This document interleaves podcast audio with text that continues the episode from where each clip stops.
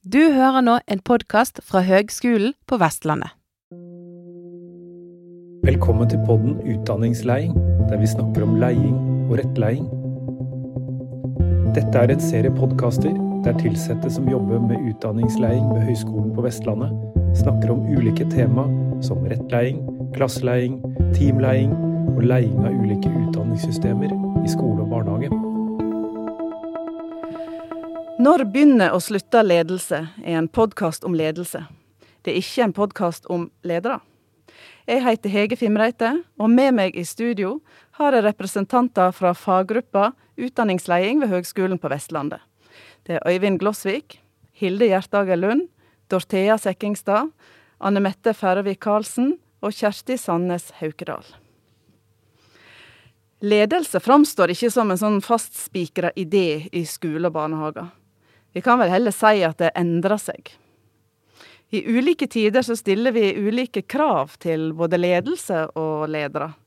Eller hva mener du, Øyvind, som har forska på ledelse både i skole og i barnehage?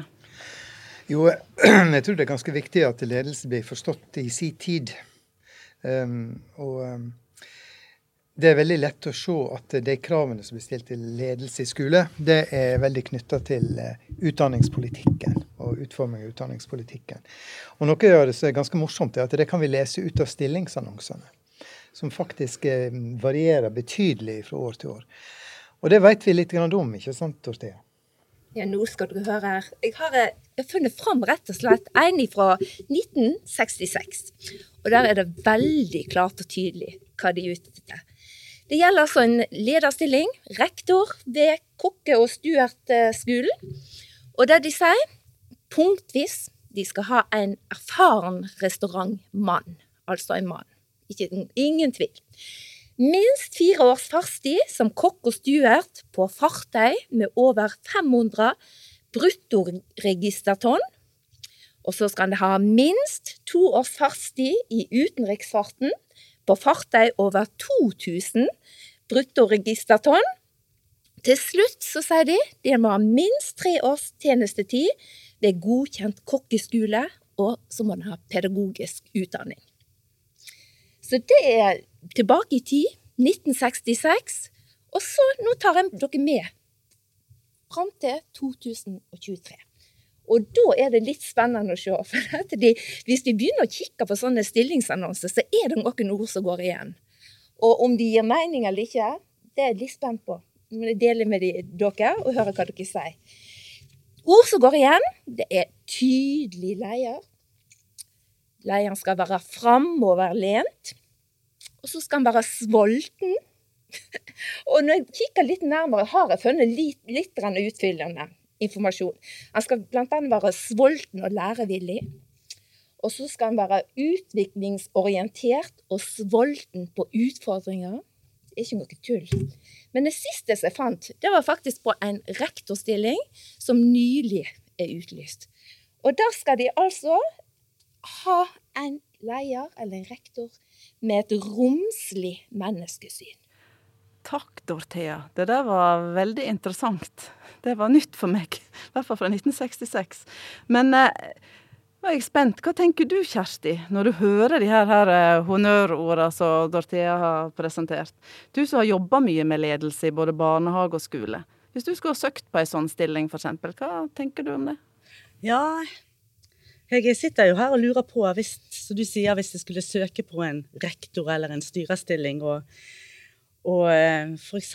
skulle konkretisere hva det vil si å ha et romslig menneskesyn, så tror jeg kanskje jeg hadde slitt litt. Jeg tror det hadde vært litt vanskelig. Eller å være sulten.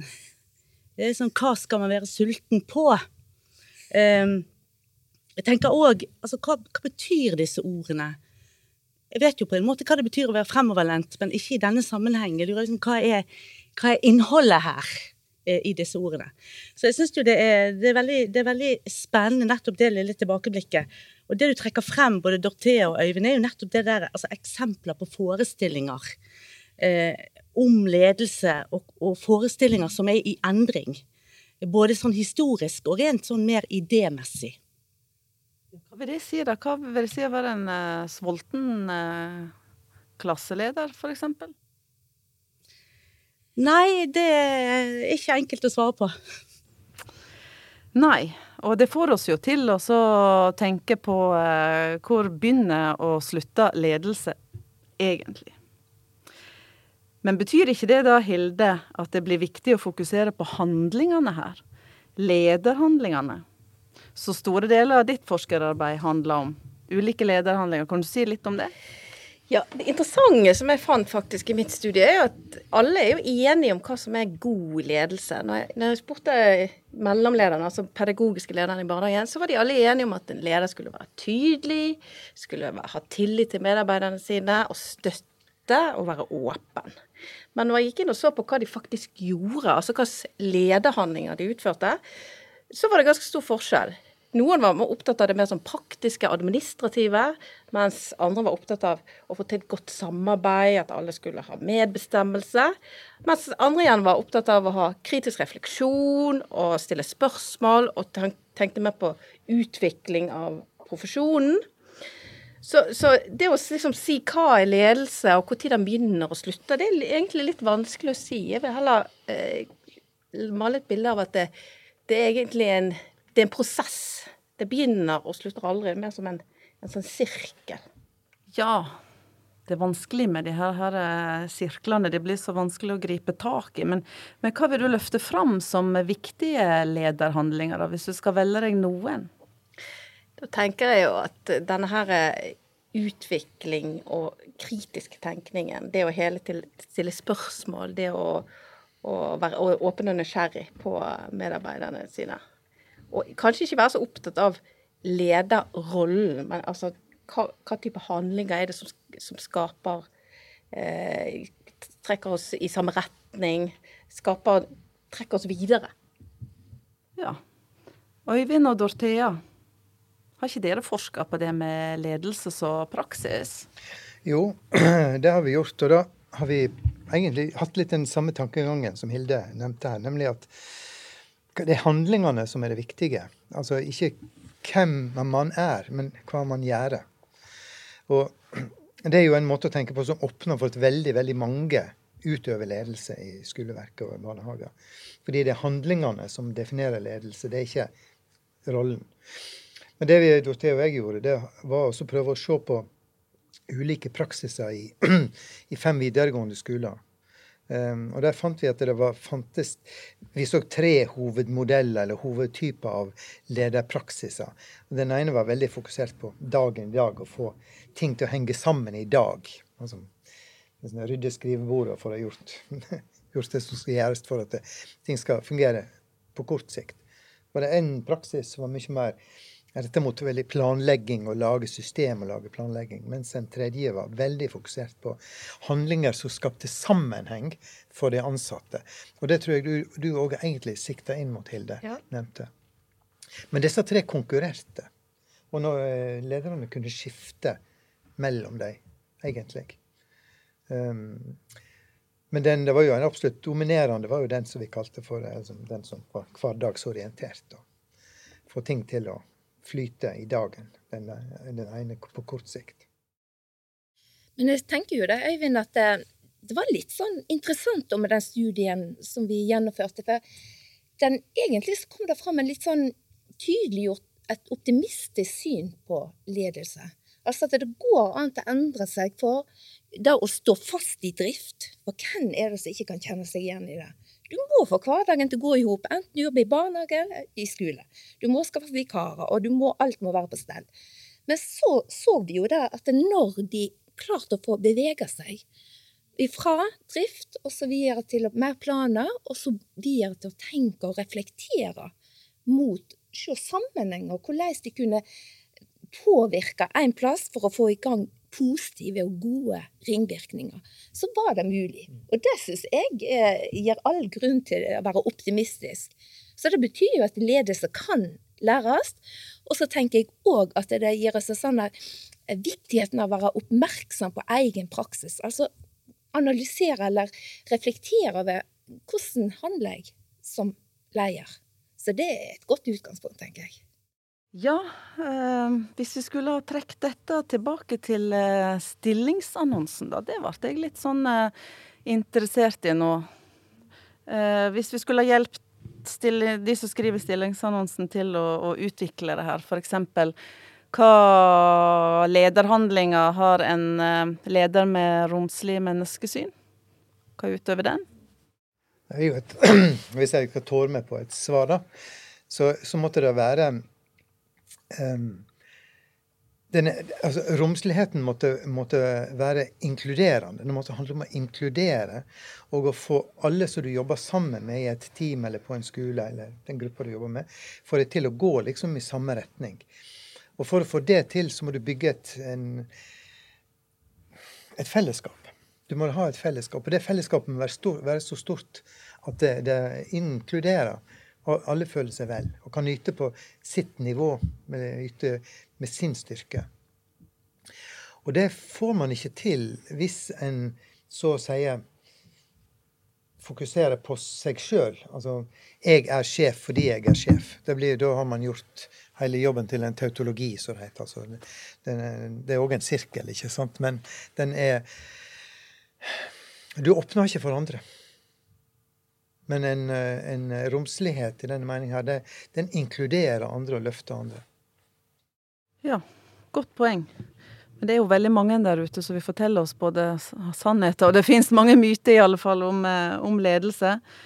Og vi kan jo undre oss over hvorfor ikke det er mer fokus på de her eh, ledelsene. Det er mer fokus på å eh, gi de forskjellige karika karikaturer av hva en leder er. Men handlinger, er ikke det noe som du òg har forska på når det gjelder lesson study, Anne Mette? Jo, ledelseshandlinger det foregår jo mange steder. Og også i klasserommene rundt omkring. Hver eneste dag, hver eneste time. Så lærere driver òg med ledelse. Læringsledelse og klasseledelse. Og i Lesson Study så utforsker jeg nettopp dette, altså sammenhengene mellom elevene sin læring og læreres ledelse av læringsprosesser i klasserommet. Det jeg hører om her, altså det, det, er veldig mye som handler om ledelse, men det er masse som handler om ulike nivå. Og ledelse er jo et stort begrep.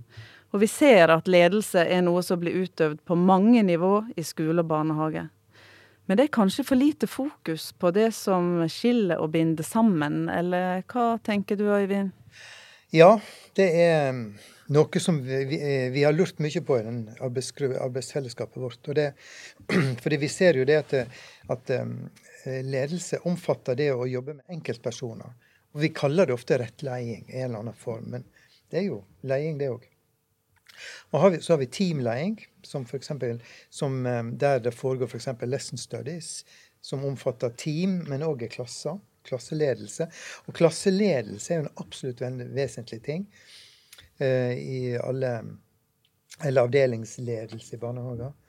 Og så har vi skole- og barnehageledelse, som er et, som er et nivå. Og så har vi skolesystemledelse. Um, som, så vi har iallfall minst fem ulike nivå. Og hva er det som binder sammen de nivåene? Det har jeg, nå har jeg jobba med skoleledelse nå i snart 25 år. Og jeg lurer fremdeles på hva er det som binder sammen, og om det faktisk er noen som jobber for å binde det sammen eller om det er noen som jobber med for å splitte det opp. og så videre. Og Det er jo f.eks. syns jeg har vært et stort paradoks at vi har et utdanningsdirektorat som definerer ledelse slik at lærere er ikke ledere. Men for alle som har vært på en skole og en barnehage, vet jo at det er det til aller høyeste grad. Så da er vi tilbake til dette. hva er det vi forstår med ledere og ledelse. Um, og hvis vi skal bruke en snever forståelse av ledere, så mister vi denne bredden av, av, hvor mange som egentlig er involvert i disse handlingene som får gode ting til å skje da, i skole og barnehage.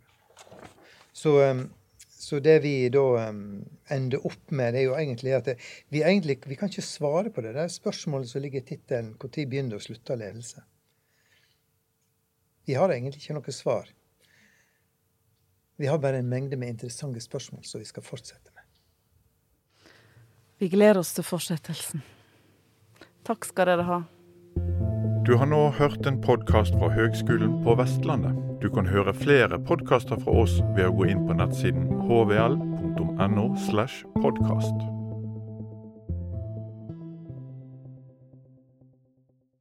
Du har nå hørt en podkast fra Høgskolen på Vestlandet. For å høre flere podkaster, besøk hvl.no slash podkast.